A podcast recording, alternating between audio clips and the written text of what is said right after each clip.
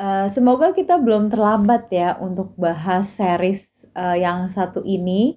Karena kan sebenarnya keluarnya juga udah cukup lama, seharusnya kita bisa nonton kayak abis nonton Taxi Driver gitu nggak sih? Tapi karena, eee, alasan yang lain-lain kita baru, eee, bisa selesai dan review. Nggak bisa selesai sih, kan kan lu udah selesai ya, cuman gua aja yang belum selesai kemarin. Akhirnya kita bisa review hari ini, eee, series Netflix yang judulnya Move to Heaven. Awalnya tuh, eee, gua nggak mau nonton karena gue takutnya itu cerita-cerita gloomy yang sedih, karena kan premisnya tuh tentang kematian, bersihin kamar orang kemat mati gitu-gitu kan, bersihin, eee, TKP bilangnya. Tapi ternyata sebenarnya drama ini lebih ke heartwarming kali ya tipenya ya? Sebelum masuk ke dramanya ya, gue memang Mhm. mau ngatain lu sedikit nih, memang kayak brengsek Anda ya. Di awal tuh bilangnya nggak mau nonton kayaknya, terus gue udah selesai nonton karena hype-nya apa, tinggi banget, Tinggi tiba-tiba banget. ngajak gitu kan, udah lupa dong kalau udah lama, apalagi kan banyak drama-drama yang jalan terus gitu. Terus tiba-tiba ngajak kan, jadi gue harus run through lagi untuk yang kedua kalinya gitu, dan karena gue run through 2 kali, itu juga mungkin yang membuat gue merasa, eee akhirnya ada sedikit pengalaman yang membedakan sama pada saat gue nonton pertama kali gitu. Mungkin karena gue nontonnya jadi lebih detail kali ya. Pas yang Eee, kedua ini maksudnya? mhm, betul betul. Oh. Apa tuh? Maksudnya emang lo ada missing apa di bagian maksudnya apa nih perbedaan di bagian lo nonton waktu pertama sama yang run through kedua ini?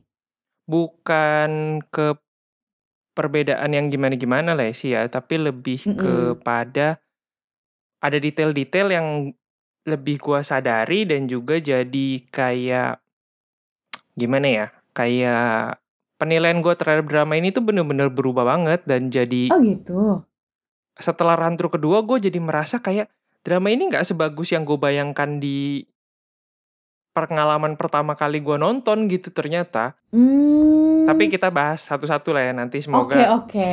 jelas lah nanti di akhir. Karena gue cukup penasaran juga ya, maksudnya apa yang membuat eee, tapi gue juga sebenarnya kan waktu itu nonton sempet nonton episode 1 sampai 5 tuh, eee, udah berapa bulan lalu gitu deh, ya kan. Nah terus, eee, pas kita berniat untuk mau podcast Move to Heaven, akhirnya gue pending tuh yang 6 sampai 8 karena kan ya udahlah, eee, nanti aja, takut keburu lupa sama takut ke-distract sama drama lain. Mhm. Dan tapi gue juga merasa, apa karena karena udah kelamaan jadi feeling-nya udah agak ilang kali ya gitu kan. Eee, tapi gue nggak tahu sih, cuma kan gue memang bener-bener pertama kali nonton cuman kayak keputus gitu sih. Oke, eee, mungkin mulai dari awalnya dulu kali ya? Mhm mhm. Kayak ini kan seperti yang lu bilang tadi ya, ini tentang ngomongin, eee pekerjaan yang kita nggak tahu sebenarnya ada di dunia ini gitu kan. Yaitu pekerjaan membersihkan mereka bilangnya trauma cleaner sih, tapi ya i pada dasarnya itu kan ngebersihin barang-barang yang ditinggalkan oleh orang-orang yang sudah meninggal gitu kan. Heeh, betul. Yang memang mostly mungkin nggak ada yang bersihin gitu, apalagi memang biasanya or eee, orang-orang yang butuh dengan jasa-jasa si trauma cleaner ini kan memang orang-orang yang mungkin eee, si yang meninggal ini tinggalnya kayak di kos-kosan Mhm, sendiri lah ya. mhm, di apartemen, ya mostly sendiri gitu kan. Terus apalagi mungkin si trauma cleaner ini bisa berjalan karena bisa jadi karena di Korea juga gitu, udah banyak di mana banyak anak muda dan juga orang-orang yang tinggalnya sendiri gitu kan, lebih mandiri lah gitu. Kalau di Indonesia gua rasa sih nggak gitu kepake ya, karena kan kayaknya keluarganya pasti langsung ngebersihin di saat itu juga gitu loh. Maksudnya nggak ada yang nggak ada Secuek itu kamar nggak sih? misalkan kita punya keluarga gitu kan, Mhm. Eee, sepupu gitu misalkan, terus meninggal, terus tapi di kos-kosan atau di apartemen yang sendirian, terus kita biarin gitu barangnya 1 minggu, kayaknya nggak mungkin deh kalau di Iya. sini gitu sih gua rasa. Makanya kayaknya jadi relevan pekerjaan ini juga mungkin karena lingkungan kehidupan di Korea juga gitu menurut gua. Makanya mungkin itu yang membuat pada saat pertama kali gua nonton agak bingung gitu, ini pekerjaan pekerjaan macam apa kok bisa ada gitu kan. Cuma pada akhirnya si Move to Heaven ini ujung-ujungnya si ada karakter yang kita nonton yang ada terus ya, maksudnya si Lee Jae Hoon itu kan. Eee, Lee Jae Heeh. Hoon yang di sini jadi Cho Sang-gu, Mhm. dia main juga di Taxi Driver, sama-sama mengangkat isu-isu sosial kalau gua gua rasa di sini juga isu Iya. sosialnya menurut gua kental sekali, ya kan? Mhm mhm. Banyak banget sih tema-tema atau case-nya yang, eee, ada juga kan yang dari kisah nyata gitu kan. Eee, terus sebenarnya pekerjaan ini memang kayaknya kalau di bagian Asia Timur, eee, Jepang, Korea gitu memang, eee, suatu pekerjaan yang lazim deh. Karena gue pernah nonton satu video juga gitu di YouTube bahwa di Jepang kayaknya ada deh pekerjaan semacam ini gitu untuk ngeberesin, eee, orang meninggal terus yang nggak ada keluarga atau, eee, sendiri lah ya. Tapi kalau itu kan mungkin ya sama kayak kata lu bilang ya lebih ke budaya, tapi kan kalau di Indonesia ya budayanya lebih kekeluargaan, lebih family oriented jadi emang nggak kepake gitu sih. Eee, dan awalnya gue juga pikir, eee, nggak nyangka sih Move to Heaven-nya itu ternyata adalah nama company-nya mereka gitu loh.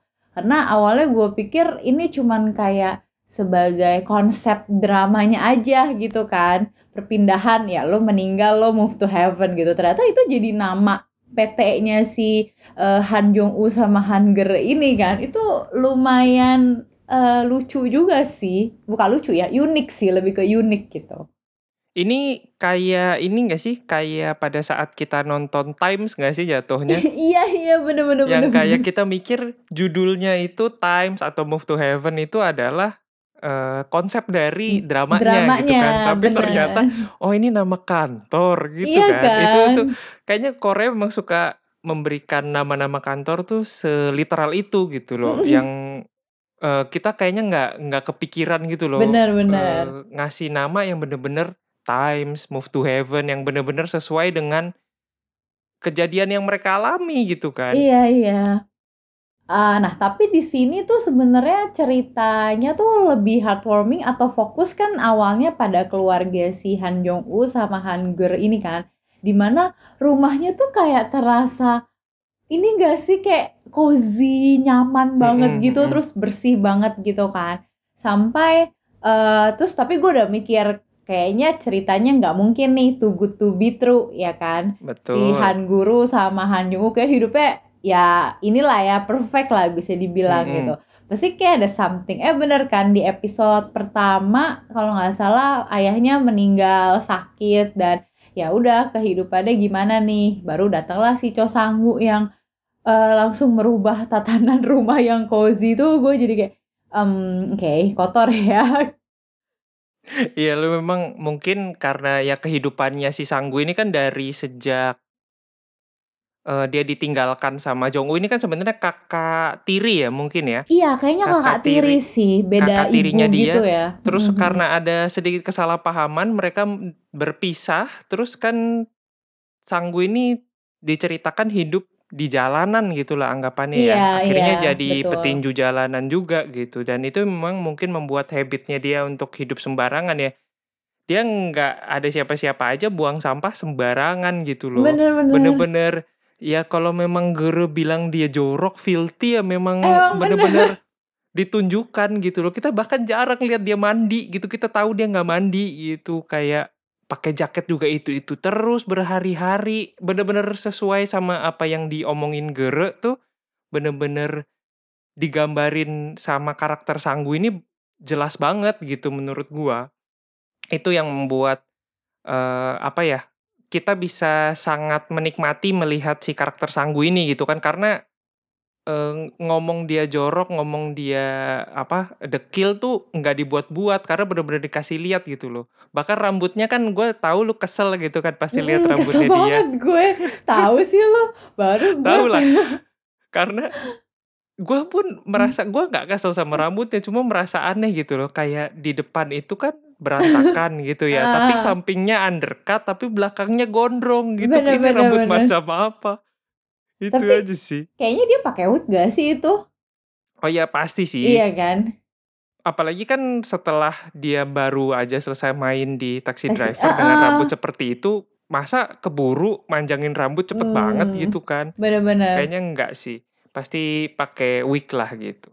Kayaknya, eee, untuk apa ya, eee, untuk menyambung yang tadi soal lu ngomongin rumah Mhm. sebenarnya meskipun gua merasa rumah itu heartwarming, cozy, nyaman sekali, gue sudah merasa keanehan gitu sebenar ada merasa keanehan di rumah itu. Di mana rumah itu kan terasa kental sekali auranya cuma Han Jong-woo dan Han Geure gitu. Sama Heeh sekali tidak ada jejak sedikit pun soal mamanya Geure gitu Iya sebenarnya. sih, bener Dari awal gitu, bahkan foto tuh semua cuma mereka berdua, Mereka nggak ada berdua, sedikit pun bener bener. foto sama mamanya. Foto sama mamanya itu cuma tersimpan di album dan itu juga di kamar bapaknya gitu loh. Heeh heeh. Di kamarnya Jong-woo gitu, nggak ada di pokoknya di area private-nya Geure tuh nggak ada gitu. Padahal di akhir tuh kan bener-bener diceritain kalau mamanya sama Geure tuh ternyata sedekat itu gitu. Itu yang gue merasa aneh sih. Maksudnya gue pikir, oh ya udah mungkin memang, eee, si Geure ini ditinggalin pas kecil jadi nggak banyak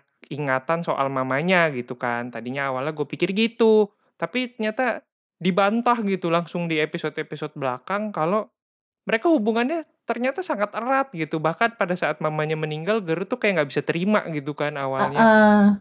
Terus gue bingung, jadi nggak relevan gitu kayak menurut gue sama kehidupan setelah mamanya nggak ada, gitu aja sih. Meskipun ya tetap tidak bisa dipungkiri rumah itu enak sekali kelihatannya memang untuk ditempati kan. Tapi emang bener kata lu sih, karena waktu gue, eee, nonton awal-awal sebelum dikasih plot twist di belakang tuh, eee, gue ngerasa ini tuh vibes-nya memang rumah yang, eee, cuman bapak dan anak gitu loh, ya nggak sih? Karena kayaknya nggak ada sentuhan feminim sama sekali Mhm gitu di mhm. rumah itu. Jadi, Rumahnya eee terlalu simpel ya? iya, dan minimalis juga kan. Jadi gue expect ya mungkin, eee, memang nanti mamanya si Geure ini memang tidak terlalu ditonjolkan atau tidak terlalu diperlihatkan gitu. Jadi asumsi penonton lebih ke, oh ya udah mungkin mamanya meninggal pas, eee, lahirin Geure atau dia masih kecil gitu doang gitu. Gue nggak ada expect bahwa ternyata tuh si Geure itu leb eee, anak adopsi gitu loh. Mhm, Karena itu twist yang itu ini sih mengagetkan ya. iya kan? Karena apa ya, hubungan bapaknya dan dia tuh bener-bener kental yang gimana ya, dapet banget gitu loh sedihnya, terus Bahkan frustasi sama mamanya dia. pun begitu Iya, terakhir kan? ternyata makanya. Jadi Mhm. sempet yang kayak, oh ternyata ada sosok mamanya nih gitu dan, eee, dibuat se-deep ini gitu loh cerita sama Mhm. mamanya, ya Ya kan? bahkan mamanya yang menginisiasi awal pertama kali kalau dia tuh bener-bener nggak bisa lepas sama si bayinya Geure ini kan. Bener bener Jadi bener. bukan si mama ini bahkan tidak dalam kondisi terpaksa gitu loh untuk merawat Geure gitu ataupun gimana yang sampai seakan-akan rumah tempat tinggal mereka sekarang itu tuh tidak tidak pernah ada sosok si mama gitu kan. Tapi ternyata ya selengket itu gitu dan bahkan scene sama mamanya ini adalah satu-satunya scene di drama ini yang membuat gue nangis Oh gitu. gitu, serius? Di saat eee gue bingung, eee, ini mau ngomongin karena gue run through-nya 2 kali ya, Heeh mau ngomongin yang pertama atau kedua, keanehan pun terjadi di gue memang di mana banyak para penonton ngomong, "Drama ini bikin menguras air Nangis, iya mata iya di iya. setiap episode," gitu Iya kan. iya Tapi iya. kok gue nggak terjadi gitu ya di sama sekali enggak gitu. Apakah gue yang, eee, tumpul banget ininya sense of sadness-nya apa gimana gitu, tapi gue bener-bener nggak nangis sampai di titik ya kasus yang si mamanya Geure ini gitu, yang gue sampai sekarang nggak tahu namanya. Oh iya bener juga ya, nggak pernah dikasih namanya sih. Gue baru ngeh nih, bener bener bener bener.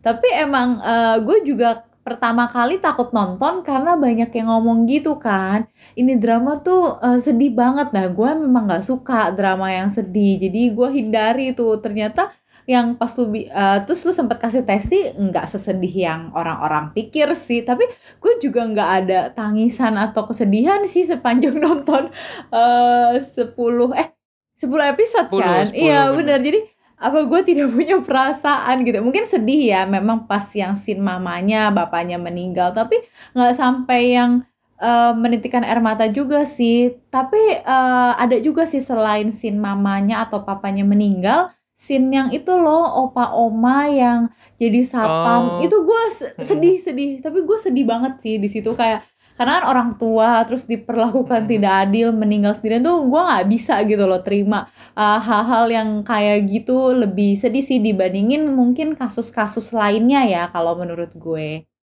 Kalau soal yang si dua orang tua pasangan ini sih gue lebih menangkapnya adalah karena mungkin mereka tuh eee, meninggalnya karena keinginan sendiri gitu loh. Itu yang bikin gua nggak nggak ah sesedih itu gitu. Memang ya kehidupannya sedih, tapi ternyata di akhir kan dijelaskan kalau dia tuh nggak selalu hidupnya sedih kayak gitu loh.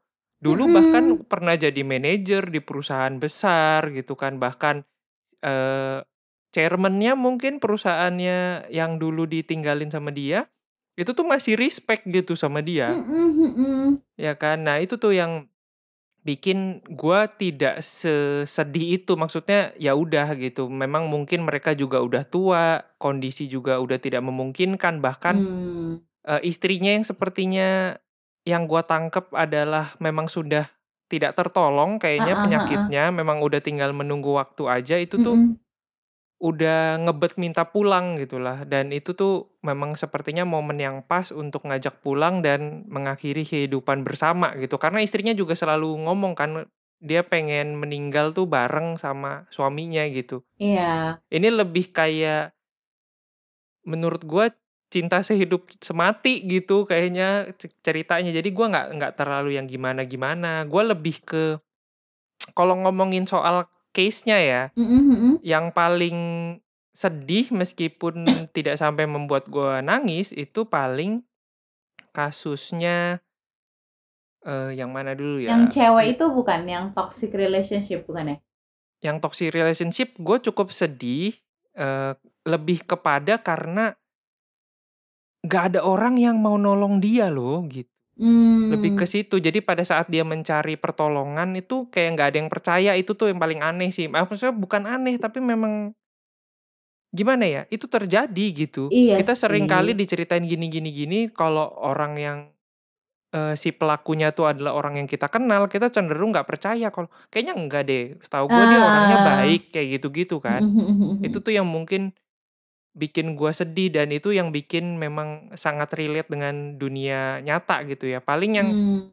yang sulit gua terima adalah, eee, yang ini, yang ibu-ibu di awal yang anaknya udah nggak mau ngakuin dia, terus mantunya juga kayak tai anjing tuh. Oh, iya iya iya, yang iya yang meninggalnya agak, eee, Iya iya. disgusting itulah ya, Mhm, yang scene-nya. sampai membusuk kayaknya Iya ya iya iya.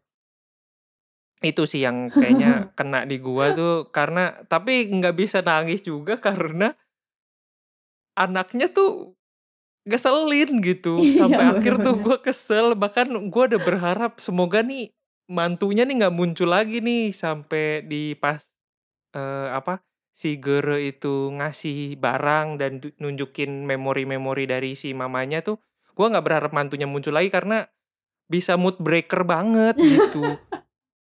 Bener-bener kayak berak gitu si Iya, emang mantunya. anjing banget sih mantunya kayak lu tau gak sih mulutnya pengen gue tampar gitu loh, Iya, kayak, pengen "Lu cabein gitu, anjing," tumpahin gitu samyang ke mulutnya nih, "Mampus lu," gitu. Baru kali ini gue lihat Krisna sangat emosional ya, sangat emosi banget gitu. Biasa kan gua dia itu udah matre, nggak emosi. sopan, terus, eee, apa, dia yang pengen duitnya tapi Suruh dia nuduh-nuduh suaminya. orang, terus tuh Heeh. dia nuduh-nuduh kan, Iya. kayak, "Lu jangan ambil ya duit itu, gua akan tahu jumlahnya berapa." Lah gimana, ambil sendirilah kalau lu mau, gitu kan. Kayak kesel banget, apaan sih. Tapi oh ya ini kita kan masih ngomongin case per case-nya ya di Move to Mhm. Heaven ini. Eee, lu menyangka nggak sih bahwa case yang gue lupa episode berapa, kalau nggak salah sih 6 ya, yang ternyata cowoknya itu gebetan yang soloistnya tuh cowok juga gitu. Karena kita karena kan asumsi ya maksudnya, eee, secara general pasti kita lebih, eee, lihatnya, oh pacar yang tidak re direstui ini, eee, cewek gitu kan, ternyata cowok gitu. Lo sudah menyangka atau gimana? Awalnya tentu tidak dong, gitu Oh, ya. kirain udah bisa ketebak. Enggak dari awal maksudnya, tapi Ah. Setelah gue menggabungkan beberapa fakta tentang kayaknya kan orang tuanya tuh tentara gitu kayaknya ya, jenderal atau apa Jenderal, gitu. ya Nah, pokoknya posisinya ya. iya betul.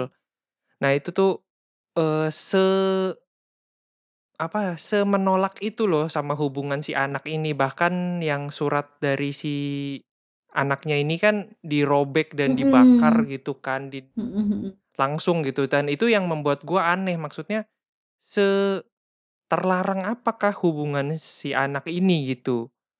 Terus pada saat muncul yang soloist-soloist itu berempat, pada saat gue ngelihat ada foto 3 cewek dan 1 cowok, gue mikir, gue sempet ada kemungkinan jangan-jangan si Nah. cowok ini gitu kan. Terus ya gue nggak menyangka bener sebenarnya, gue cuma mikir jangan-jangan terlarang karena hubungannya ya sesama jenis gitu kan.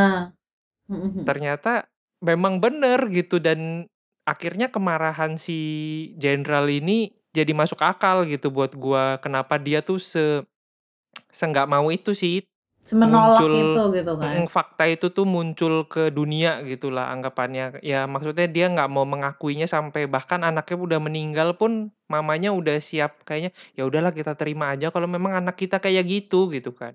Tapi si papanya tetap nggak mau gitu dan itu gue mengerti ya karena mungkin dia punya pangkat tinggi, bergengsi gitu kan, terus terpandang gitu-gitulah pokoknya. Jadinya, eee, cukup masuk akal sih karena kalau ternyata hubungannya sama soloist-soloist yang cewek-cewek, jadi aneh gitu karena soloist ini Mhm. udah famous banget di dunia internasional gitu anggapannya kan, sampai bisa bikin konser yang soloist-nya bahkan kayaknya beda-beda negara gitu loh ininya, Iya. international group gitu kan dan aneh aja gitu, justru malah lu bisa banggain kalau punya mantu soloist yang salah satu yang cewek itu gitu kan. Jadinya bener. nggak masuk akal. Jadi begitu gua ngelihat soloist-nya ini adalah soloist terkenal dari luar negeri, langsung gue mikir jangan-jangan si cowok nih. Kalau gue mulai ada sense, eee, something wrong itu dari pas mereka datang ke hall, terus mereka kan mau cari tuh soloist-soloist, terus mereka tanya Mhm. satu-satu kan. Terus gue mikir, mmm, kayaknya terlalu mudah deh ini gitu, eee, nggak mungkin semudah itu mereka dapetin, kok udah ketemu sama soloist gitu kan, nanya satu nanya satu, mmm, kayaknya ada yang salah nih menurut gue, nggak mungkin semudah itu. Eh, ternyata bener kan. Wah, pas yang, eee, ada yang cowok itu yang cuci tangan sama girl itu kan ada soloist yang cowok kan. Terus gue kayak, hmm, jangan-jangan yang ini nih kayaknya dibuat plot twist, eh ternyata, eee, bener dong gitu kan, eee, ada sisi-sisi, eee, yang kayak gitu juga gitu di drama ini. Tapi ralat sedikit ya, bukan soloist ya sebelum kita ditonjok sama, eee, Sanggu ya, sellist. Oh, sellist, oh ya maaf Iya, soalnya waktu Namu ngomong selorist malah Namu Oh. ngomongnya kan. Gue mau Itu tuh ditampol di ya. iya langsung diiniin, langsung di-intercept gitu sama si Sanggu, bukannya sellist gitu. Bener juga, gue lagi mikir, "Oh iya ya sellist ya?" Gue sebe sebenarnya sempet percaya gitu loh Iya, pas soloist. nah, pas Namu ngomong selorist gitu, bahkan dia pakai ada R-nya gitu kan, Eee. selorist tuh gue sempet kayak, "Apa bener namanya selorist?"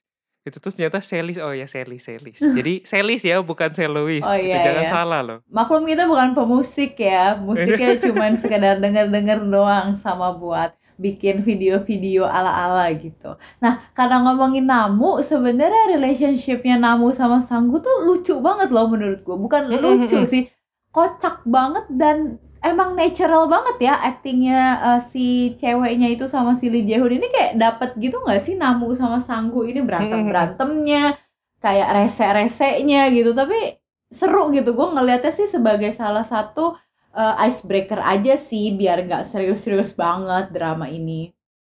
Gua nggak berharap hubungan antara Namu dengan Sanggu itu bisa jadi seakrab ini sih, maksudnya mereka tuh Mmm. Saling ngecengin satu sama lainnya tuh bener-bener kayak udah kayak best friend gitu jatuhnya. Sama-sama dari 2 kubu yang melindungi si Gere, tapi dari 2 kubu yang berbeda gitulah anggapannya ya. Tapi mereka malah jadi akrab dan jadi klop gitu loh satu sama lain Iya, dengan caranya makanya. masing-masing gitu kan. Itu sih yang menarik meskipun semakin ke belakang sebenarnya gue merasa si Namu ini kok lama-lama makin gue merasa ya, Heeh. dia agak kelewat batas nggak sih?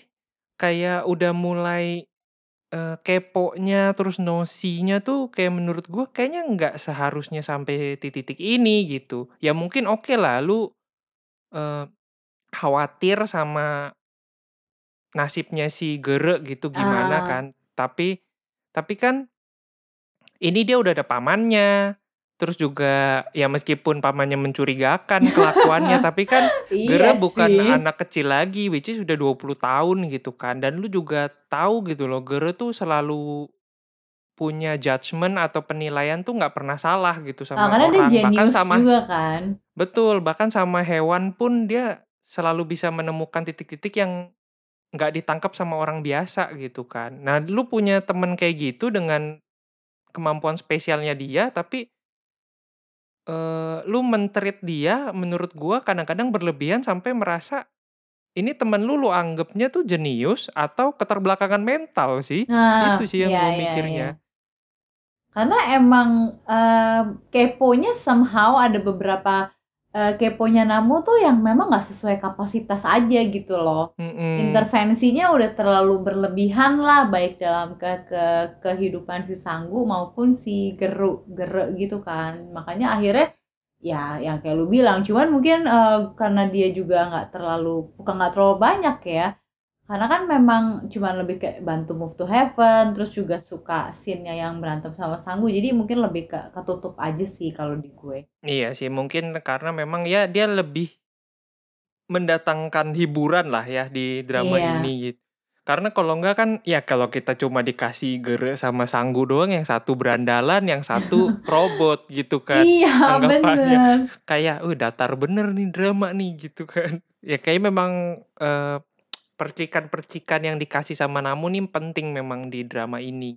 Walaupun awalnya tuh gue juga sebel sih sama si Gere ini, kayak ribet banget gitu loh hidupnya, karena kan dia semuanya tuh kayak by book gitu kan, si Gere ini bener-bener yang, eee, harus diikutin, pokoknya nggak bisa rules breaker sama sekali gitu. Jadi gue kayak, "Gila nih anak ini banget ya, apa, tertata banget, kaku banget gitu loh, kayak robot hidupnya." Terus, apa bisa nih lama-lama hidup sama om yang kayak gitu, yang berantakan, yang 180 derajat berbeda, tapi ternyata malah kayak, eee, ya makin lama love-hate relationship, terus lama-lama makin bisa menerima satu sama lain juga. Mhm.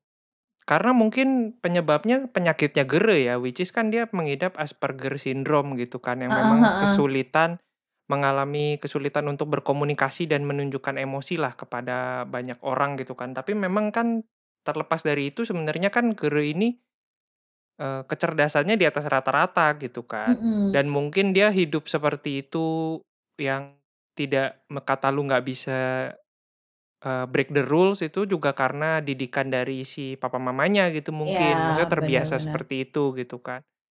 Cuma kayaknya memang gue udah yakin gitu dari awal kalau Sanggu justru yang akan berubah gitu loh, mengikuti Mmm. ritmenya si Gere. Karena kan kita tahu ya, si Namu juga selalu ngomong gitu, kalau Gere tuh nggak bisa berubah tiba-tiba dengan lingkungan baru tuh dia nggak bisa beradaptasi memang Iya, karena susah. penyakitnya gitu, bukan karena nggak mau gitu. Mhm Jadi mau mhm. nggak mau pasti Sanggu yang berubah dan dipilihnya Sanggu untuk jadi, Wali ya? guard walinya Mhm. si Gere sama Jong-u juga pasti bukan tanpa alasan gitu loh. Iya, Karena sih. yakin si Jong-u bukan cuma sekedar rasa bersalah terhadap Sanggu yang udah dia tinggal pada saat itu, maksudnya nggak bisa menepati janjinya pada Mhm. saat kecil, tapi ya karena gua rasa sih karena Jong-u tuh yakin sebenarnya Sanggu tuh orang baik gitu, cuma salah didik aja gitu, nggak bukan salah didik, tidak ada yang mendidik malah, ya kan. Iya, jadi nggak on Jadi track akhirnya aja dia hidupnya. Akhirnya dia kayak gitu, gitu. Tapi sebenarnya ya dalam hati dia orang baik gitu dan si Jong-u gua rasa tahu gitu loh kalau si siapa, si Gere tuh bakal ngeh sama hal tersebut, kalau si omnya ini sebenarnya orang baik gitu kan. Dan itu terbukti kan karena dia ngomong gitu kan, si Samchon ini tuh sebenarnya orang baik tapi di dengan cara yang aneh gitu kalau menurut Gere gitu. Sebenarnya dia baik, dia khawatir sama gua, dia selalu melarang gua ini itu, tapi dia kalau gua butuh dia dia selalu ada gitu kan. Itu sih. Jadi di saat Namu cuma bisa ngelihat keburukan-keburukannya si Sanggu si Gere tuh justru bisa menangkap, oh ternyata intensinya si Sanggu tuh kayak gini loh aslinya, tidak tidak selalu apa yang keluar dari mulutnya dia gitu. Ada perspektif yang berbeda lah ya. Mhm. Nah sama, eee, bagian ah, gue mau nanya nih, ini gue nggak tahu ya, gue miss atau tapi gue merasa gue tidak menemukan jawabannya sih. Dia itu kan jual apa, akte, eee, ininya ya, company-nya Mhm. Move to Heaven gitu. Nah itu akhirnya Betul. dibalikin nggak sih? Kan dibalikin, dilempar kan ke dia. Oh gitu? Sebelum kan yang terakhir sebelum, Mereka pertandingan tanding kan? Heeh. heeh, yang si Sanggu itu lagi apa ngiket-ngiket tangannya itu pakai ini, Mhm. pakai apa, tali hitam itu, terus kan dia bilang, "Gua nggak mau maju pertandingan sebelum lu balikin dokumennya ke gua." Terus kan Oh. dikasih tuh amplop warna kuning, ya kan. Mhm. Dilempar ke Sanggu, terus Sanggu sempet ngeliat amplop itu, yang dia bilang dia bakal mau kirimin ke seseorang kan. Jadi gua nangkepnya adalah amplop itu sudah kayaknya udah dikirimin gitu pakai kurir. Cuma gua Oh. nggak tahu nyampe apa enggak sih, karena tidak ada scene-nya gitu, Iya siapa kan? yang nerima juga Oh, kagak ada oke. gitu. Pakai JNE kali ya itu? Iya. Atau ID Express? Ya mungkin kurirnya nyampe pada saat Gere sama Namu tuh udah cabut dari rumah buat ngejar Samconnya gitu loh. Terus ada Oh. itu, terus dilempar depan pintu ya kayak JNE. Tai banget. Nah, eee, tapi sebenarnya ya gue nggak tahu sih, eee, masa lalunya si Sanggu dengan dia jadi petinju dan dia involve sama si Madam siapa itu ya, eee, yang gue tuh nginget Madam ini tuh kayak karakternya Baek Seung-mi gitu nggak sih di Iya Taxi betul Driver? betul. Kayak Betul betul. ini cuma memang Baek Seung-mi lebih somehow lebih berkarisma ya daripada Mhm. Madam ini gitu. Terus kayak kayak mirip aja ya gitu. Nah, menurut lo tuh ini, eee, oke atau masih on track sama ceritanya atau malah kayaknya blunder? Kalau ngomongin on track, menurut gua on track. Karena kenapa, eee, Mhm. gua merasa Sanggu itu butuh background story kenapa dia bisa jadi se keluar jalur itu gitulah anggapannya. Kayak kenapa sih dia bisa jadi orang yang seperti sekarang, padahal juga masa kecilnya dia kena abuse gitu kan, Mmm. sama si papanya, terus Papanya. juga ditinggal sama orang yang paling dia apa namanya, percaya, which is kakak tirinya gitu kan, Jong-u. Tapi dia tidak jadi penjahat gitu loh. Dia cuma jadi orang yang anggapannya kita lihat berandalan gitu, preman gitulah anggapannya. Cuma ya dia tetap berusaha mencari uang dengan cara yang mu mungkin agak ilegal, tapi ya mungkin itu yang bisa dia dapatkan dengan kondisinya dia gitu kan. Mmm. Dan itu yang gua rasa perlu dikasih tahu gitu, karena Mmm. karena gimana ya, karena kan, eee, dia nih lagi tes gitu kan. Si Sanggu Heeh. ini kan lagi dites 3 bulan untuk layak nggak sih jadi guardian-nya si Gere gitu kan. Nah itu kan Mmm. butuh dikasih tahu loh sampai di titik mana, kenapa dia dipenjara, terus apa yang dia perbuat sebelum dia dia dipenjara itu kan mungkin, eee, bisa jadi pertimbangan dan wajar menurut gua begitu dia keluar dari penjara masa lalu-masa lalunya dia tuh pada datang muncul kembali tuh normal sekali gitu loh maksudnya. Masa kalau dia keluar dari penjara terus hidup-hidupnya damai-damai aja menurut gua malah nggak masuk akal gitu. Karena kayaknya di penjara karena pasti karena melakukan sesuatu gitu kan. Dan kayaknya masa lalunya tuh pasti bakal ngejar dia lagi dan bener aja si Madam ini kan gua nggak tahu ya masih sampai sekarang kenapa Madam ini tuh kayak blind trust banget sama si Sanggu, yang Iya, di gue mana juga dia tuh bingung. percaya banget gitu loh, Sanggu tuh akan selalu ngikutin Betul kemauannya betul dia, betul terus betul. bisa ngalahin siapa Bener pun, bahkan terakhir itu, eee, rela untuk naruh semua uangnya untuk Sanggu gitu kan.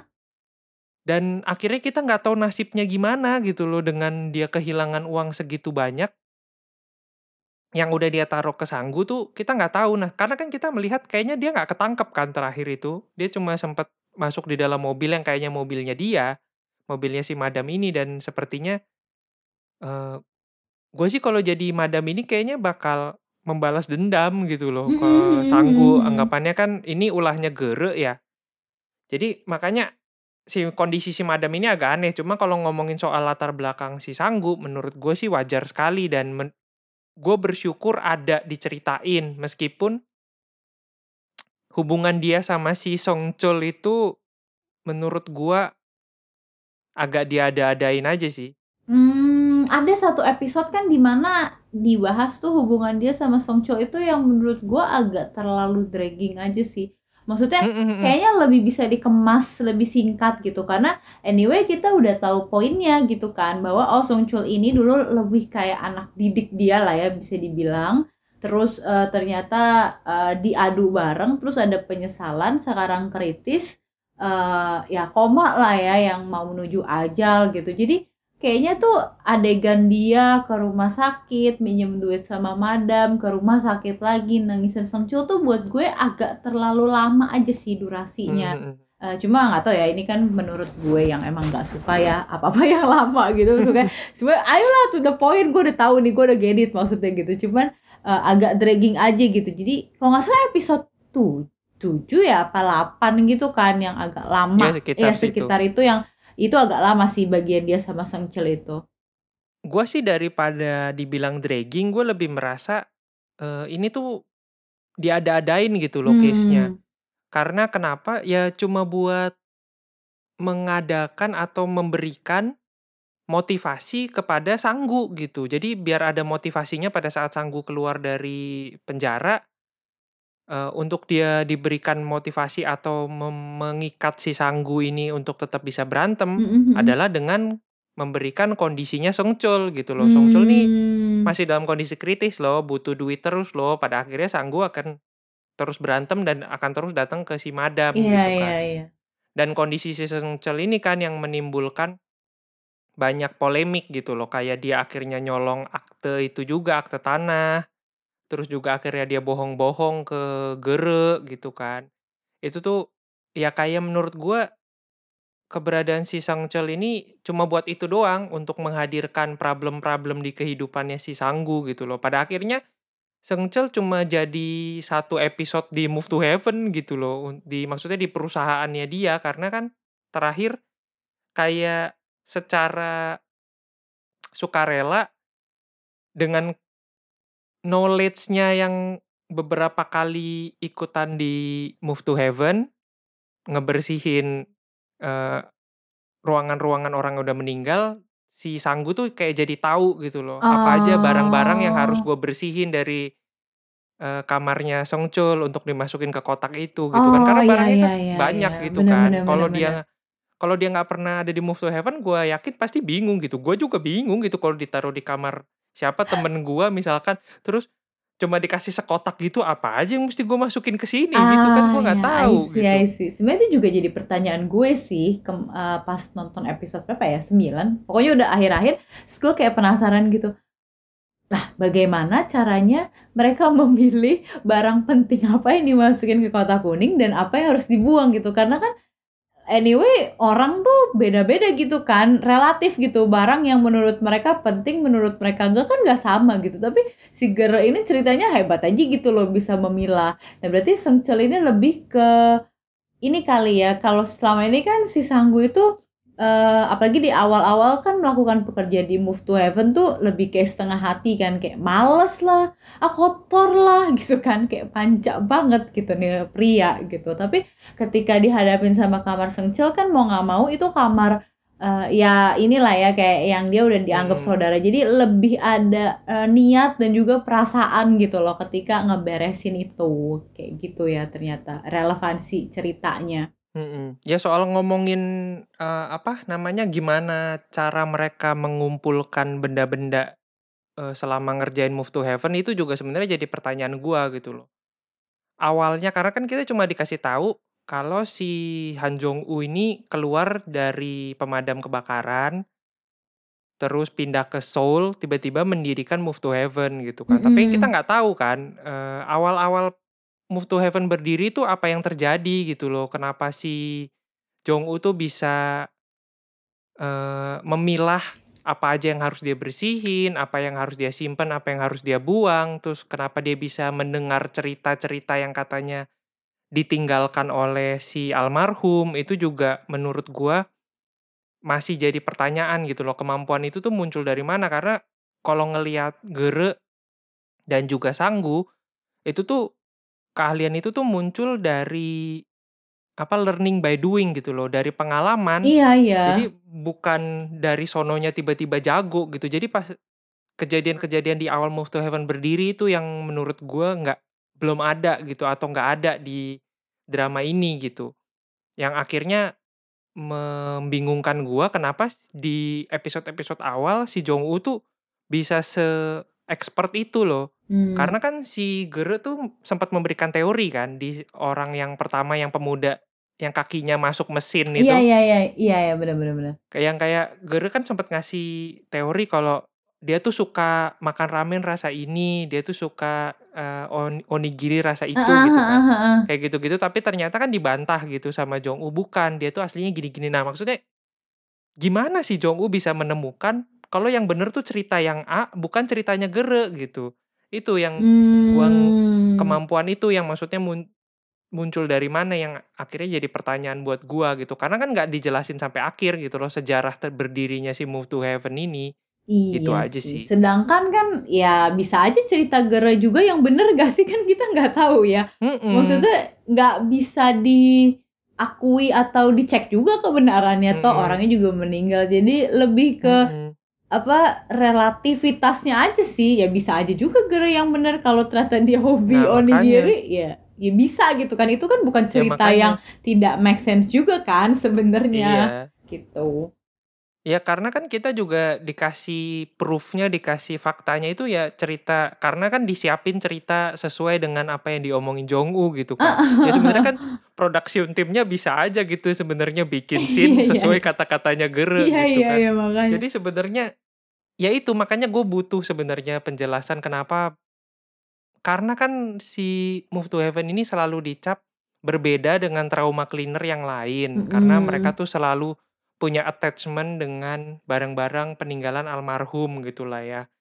Bukan kayak orang yang cuma sekedar ngebersihin aja gitu. Nah, itu sih yang maksudnya kemampuan untuk attachment inilah yang muncul dari mana dan gimana lu membangunnya gitu yang kenapa eh, lu bisa dibilang sebeda itu gitu loh si Move to Heaven tuh eh, trauma cleaner company yang sespesial itu gitu nggak ada gitu sampai akhir dan itu yang gue mikir ah jangan-jangan ini mau dilanjutin lagi terus ditambah endingnya kayak gitu kan Iya, somehow gue pikir gue doang yang merasakan, tapi endingnya kok agak kurang eh greget gitu ya. Maksudnya gimana ya untuk gue nonton 10 episode tuh gue berharap lebih eh, dinamis lagi sih endingnya sebenarnya. Cuman pas disuguhin kayak gitu kayak oh ya udahlah gitu. Mungkin drama-drama yang tipe kayak gini tidak bisa berharap yang gimana banget gitu. Cuman gue nggak tahu sih bakal ada season 2 atau enggak juga ya sebenarnya karena belum ada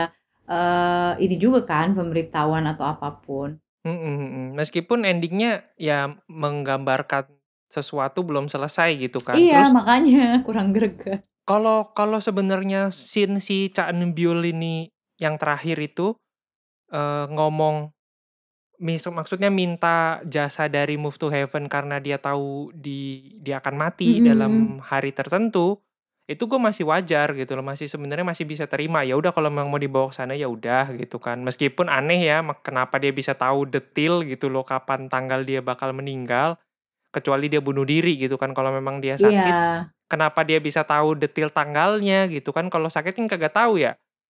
Maksudnya cuma biasa cuma dikasih perkiraan kan tiga bulan lagi gitu. Mm-mm, cuma kalau detail bisa tahu tanggal-tanggalnya tuh kan aneh gitu menurut gua. Terus scene eh, Gere ngelihat Enbyul dengan tatapan seperti ngelihat Dewi turun tuh kayak Hmm. ini ini maksudnya apa? gitu loh. Maksudnya kayak ada cahaya-cahaya di belakangnya si Enbyul itu kan kayak kenapa tiba-tiba Gere kayak gini?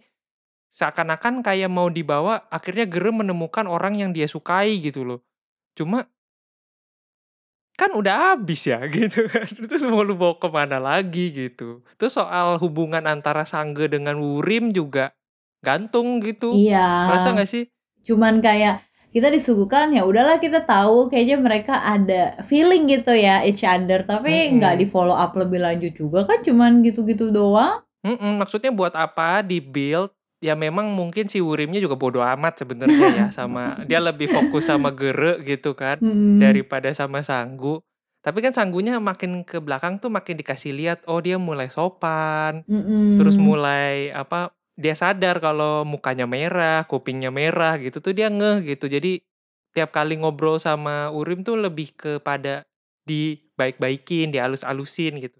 Buat apa di-develop ke situ kalau ujung-ujungnya sampai akhir dia nggak nongol lagi gitu sih menurut gua. Terus satu lagi Ren yang Mhm. gua merasa masih jadi pertanyaan, balik lagi sedikit ke Seongcheol pada saat ngebersihin kamarnya Seongcheol itu kan si Sanggu nemuin kartu namanya Jong-u ya. Heeh. Terus ada tulisan, ini kakaknya Jong eh ini kakaknya Sanggu, mereka tuh harus bertemu. Tapi kita Mhm. nggak pernah dikasih tahu si Iya. Seongcheol itu kenapa bisa kenal sama Jong-u, terus kenapa dia tahu itu kakaknya Sanggu, dan juga kenapa, eee, maksud kalimat mereka harus ketemu tuh ketemu dalam wujud seperti apa gitu loh, maksud dalam bentuk seperti apa itu tuh Oh, nggak ya nggak ya pernah ya ya. dijelaskan gitu loh. Kayak cuma, eee, mereka harus bertemu gitu ya, maksudnya bertemu nih gimana gitu. Si Jong-u juga selama ini udah berusaha mau bertemu sama Sanggu gitu kan, tapi nggak pernah berhasil, itu sih. Oh, bener Sama sih. Mhm. sama ini apa, eee yang gue bilang tadi. Eh tapi sebenarnya belum semua case kita bahas ya. Iya, Tapi kita bahas yang menurut kita ini aja sih, apa, ada bukan sisi menarik juga ya, lebih ke yang ya yang beda aja sih, ya nggak sih? Mhm mhm. Eh, mungkin sebelum tutup gue mau tanya soal kasus tiba-tiba si Han Jong-u itu terlibat dengan rubuhnya satu department Mmm. store yang ternyata itu adalah kisah nyata, menurut lu gimana? Nah, eee, sebenarnya gue tuh kayak udah ke-spoiler gitu kan, karena, eee, Mmm. tapi gue nggak nonton, eee, YouTube-nya Hansol, maksudnya gue nggak nonton, eee, maksudnya gue nggak nonton detailnya gitu, karena gue harus nonton setelah gue nonton Move to Heaven. Tapi Mhm. di thumbnail-nya kan ada ya, Pak, ya. Jadi Betul. gue pasti, eee, jadi pas gue nonton Move to Heaven kayak, "Anjing," gitu loh, "kapan nih kejadian yang Sampong Mall ini? Kok gue belum ketemu?" Terus gue sempet penasaran sih, karena, eee, ini mau dibawa ke case yang mana gitu. Mungkinkah ada orang baru atau kan dia ganti-ganti kan case-nya, apakah ada gitu. Gue udah nunggu-nunggu kok, eee, belum ada gitu ya. Nah, ternyata si Sampong Mall ini malah dihantem atau di-relate sama si kasusnya ini kan, Han Jong-u yang ketimpa, eee, reruntuhan itu gitu loh. Tapi, eee, gue nggak tahu sih, kalau menurut gue kan zaman dulu mungkin juga belum ada telepon atau handphone yang mereka bisa calling each other. Cuman, mmm, ya tetep salah dua-duanya aja sih dari pihak Jong-u-nya juga menurut gue. Eee, setelah dia sembuh harusnya dia bisa cari atau kasih kabar instead of beliin sepatu terus ya. Tapi kan dia memang nyari kan? Maksudnya dia pah sebarin itu kan, pamflet-pamflet kalau Iya dia nyari adiknya yang hilang itu. tapi kayak nggak Maksudnya ketemu-temu aja ya, sampai Iya, si Sanggu tuh entah hilang ke mana aja Iya, gitu. kayak kok lu malah, eee, buat plotting-nya tuh seakan-akan jadi Sanggu tuh benci banget kan sama si Jong-u gitu Betul. loh. Ya, tapi gue ngerti sih, namanya juga dia kan ceritanya ditinggalnya pas bocah cuy, mungkin secara, Mhm mhm. eee, pikiran juga belum nyampe, eee, Dan kalau kayaknya ada nggak pernah sekolah juga kan ya? Iya, makanya, ya makanya jadi barbar gitulah gede. Jadi ya menurut gue salah paham dua belah pihak aja lah itu mah. Iya makanya pada saat gua tahu ada kejadian si soal departemen Sam Sampong Mall ini, Mhm. gua udah bingung gitu gimana lu relate-innya Bener sama, bener. Eee, Move to Heaven gitu. Move to Heaven-nya terjadi sekarang, Sampong Mall-nya udah terjadi kapan Dua tahu gitu berapa puluh kan. tahun yang lalu gitu kan. Mhm. Itu tuh yang menurut gua kayak, eee, maksudnya itu kan udah rame ya di media sosial gitu loh anggapannya kalau, eee, banyak orang yang ngebahas soal kejadian si Sampong Mall inilah gitu. Cuma maksud gua ya, kenapa harus didramain ini gitu? Oh ternyata disambunginnya ya soal, eee, kenapa si Jong-u itu tidak bisa hadir tepat waktu gitulah anggapannya ke untuk nemuin si Sanggu pada saat masih kecil gitu kan. Itu lebih ke sana aja gitu. Maksudnya tapi, ya sebenarnya sangat luas ya un kemungkinannya mereka mau pakai cerita apa pun sebenarnya bisa, gitu kan. Kenapa si Jong-u tidak bisa datang kes eee, di waktu itu tuh sebenarnya bisa ngapain aja kan ceritanya. Tapi dia mereka memutuskan untuk ngambil true story, yang menurut gua akhirnya agak mmm, kentang gitu karena akhirnya kita nggak dapet gambaran menyeluruh soal si Sampong Mall gitu. Akhirnya si Sampong Mall ini cuma dikas ceritain sekilas, terus fokusnya pindah ke Jong-u yang terluka di Sampong Mall, udah gitu aja. Iya, mungkin kalau misalnya mau lebih banyak tahu kita harus browsing sendiri kali ya, cari ini. Nah, abis udah selesai nih nonton ini gue bakal nonton YouTube-nya Hansol sih untuk, cari tahu si Sampong Mall biar gak Iya ke iya iya. spoiler. Bener sih, tap tapi terlepas dari itu maksudnya semuanya, eee, drama ini Mhm. seperti yang gue bilang di awal, setelah run through kedua, gue tidak merasa drama ini tuh sebagus yang dibicarakan orang-orang gitu. Mmm. Terutama setelah gue ngelihat di IMDb, eee, skornya itu sampai 8,7 dan Wow. menurut pengalaman gue High pribadi juga ya? tidak tidak segitunya gitu, bahkan mungkin ada beberapa drama yang tidak begitu banyak dibicarakan orang tuh menurut gue bahkan buat gua pribadi ya, ini nilainya lebih tinggi dari ini. Karena menurut gua dari kasusnya oke, konsep ceritanya gue suka gitu. Maksudnya ini adalah konsep cerita baru, eee, di mana kita jarang nemuin hal-hal seperti ini gitu kan. Tapi banyak kasus-kasusnya menurut gua dieksekusi dengan kurang mateng aja gitu. Kayak banyak yang masih ngambang, contoh kayak kasus yang, eee, si siapa, Mathew, itu juga Iya, menurut yang gua Mathew tuh agak terlalu sangat tidak mateng. Habis itu kasusnya siapa lagi, yang itu juga yang apa, yang guru TK terbunuh sama pacarnya yang toksik itu Mmm. juga menurut gua padahal itu potensinya besar sekali, tapi kayak terburu-buru jadinya kurang dapet aja, kurang nendang aja menurut gua. Terus, eee, pokoknya ada beberapa lagi deh hampir, bep setengahnya dari oh soal yang itu yang gay juga menurut gua yang Selis itu, menurut gue juga kayak tidak dipersiapkan dengan baik ininya, eee, skripnya. Semuanya terasa begitu cepat hubungan antara si dokter dengan si Selis ini gitu loh, menurut gua. Akhirnya kita nggak dapet seberapa mereka saling mencintai satu sama lain, seberapa mereka siap mengorbankan, eee, karir mereka satu sama lain gitu tuh nggak dapet gitu loh. Ya karena saking terlalu cepatnya dan mau berfokus dengan ngebersihin kamarnya kan, ngebersihin kamar dari si almarhum aja gitu. Mmm. Akhirnya yang menurut gua, eee, esensi dari cerita-cerita si para, eee, almarhum ini jadi kurang dapet aja kalau di gua. Kalau lu gimana? Kalau gue sih dibilang bagus banget, tapi gue nggak tahu ya, karena kan selera ya. Mungkin ini, eee, gue suka, cuman bukan yang gue suka banget gitu loh. Sama kayak yang tadi lu bilang, mmm, gue juga nonton drama yang mungkin underrated, tapi, eee, mungkin lebih ke cup of tea gue aja sih kalau kayak drama-drama yang gini, eee, gue kurang gitu loh. Tapi bukan berarti tidak bagus ya, ini bagus, cuman, eee, tidak bukan selera gue untuk nonton drama seperti ini terus aja gitu. Bakal bisa Betul. kayak mellow dan ini aja sih, eee, feel lonely gitu ya rasanya walaupun emang heartwarming. Jadi ya, eee, kalaupun ada season 2 juga mesti lihat dulu kali ya pemerannya sama atau enggak, terus secara story mau diangkat ke mana untuk angle dan point of view-nya, eee, sehingga ada diferensiasi lah antara season 2 dan juga season 1, kayak gitu.